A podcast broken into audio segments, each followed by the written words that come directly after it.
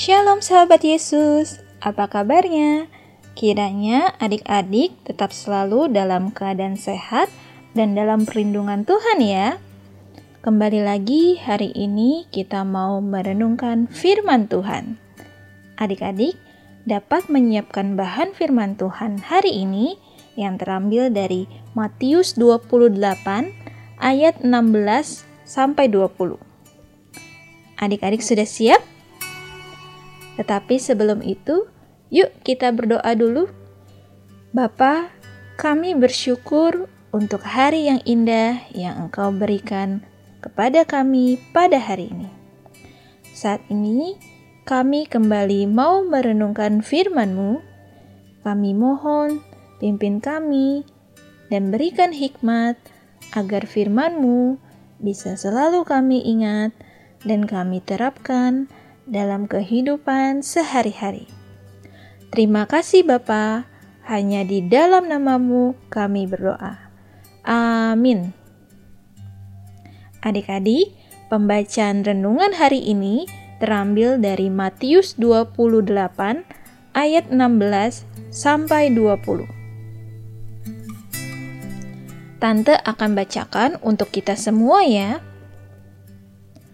Dan kesebelas murid itu berangkat ke Galilea, ke bukit yang telah ditunjukkan Yesus kepada mereka. Ketika melihat dia, mereka menyembahnya, tetapi beberapa orang ragu-ragu. Yesus mendekati mereka dan berkata, "Kepadaku telah diberikan segala kuasa di sorga dan di bumi. Karena itu, pergilah." Jadikanlah semua bangsa muridku dan baptislah mereka dalam nama Bapa dan Anak dan Roh Kudus. Dan ajarlah mereka melakukan segala sesuatu yang telah kuperintahkan kepadamu. Dan ketahuilah, aku menyertai kamu senantiasa sampai kepada akhir zaman. Adik-adik, Hari ini kita mau mengenal salah satu tokoh pengabar Injil yang bernama Joseph Kam. Bapak Kam ini pernah mengabarkan Injil di Indonesia loh adik-adik, tepatnya di daerah Maluku. Bahkan beliau pernah mendapatkan gelar sebagai Rasul Maluku yang diberikan oleh warga Maluku. Gelar itu diberikan karena Bapak Kam telah berjasa mengabarkan Injil di Maluku.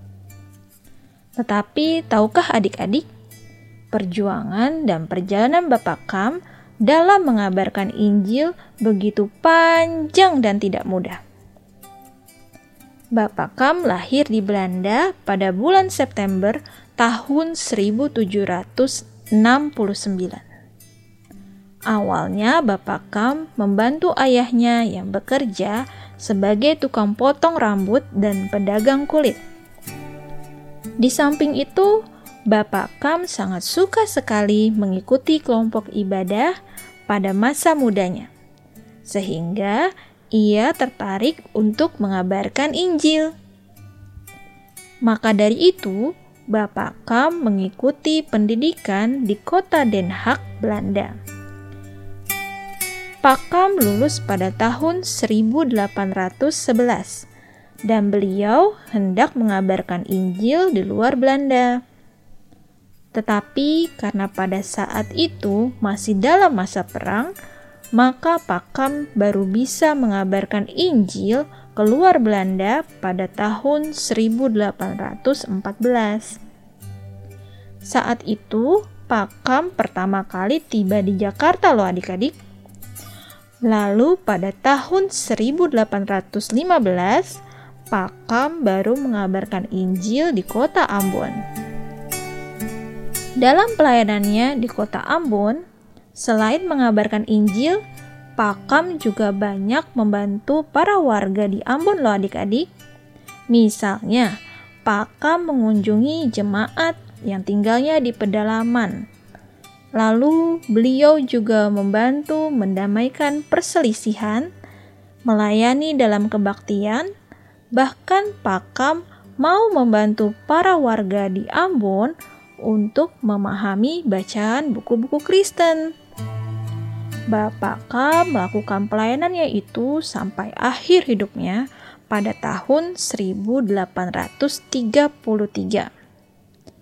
Akhirnya, Bapak Kam dimakamkan di Ambon.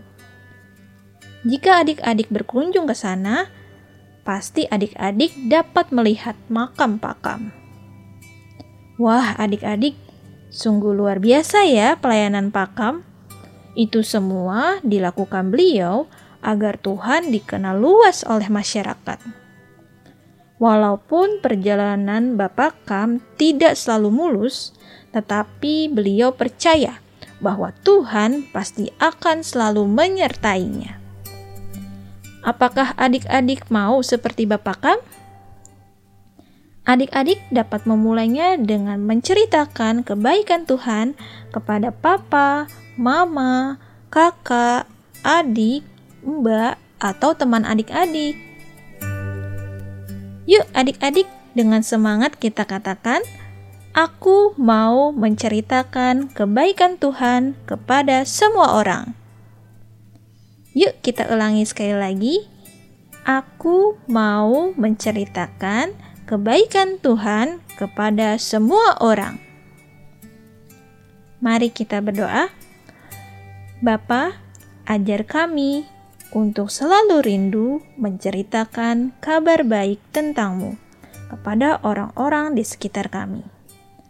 Tolong berikan kami kemampuan dan ajarlah kami untuk selalu percaya atas penyertaan-Mu. Terima kasih Bapa, hanya di dalam namamu kami berdoa. Amin. Terima kasih adik-adik, sampai jumpa di lain waktu. Tuhan Yesus memberkati.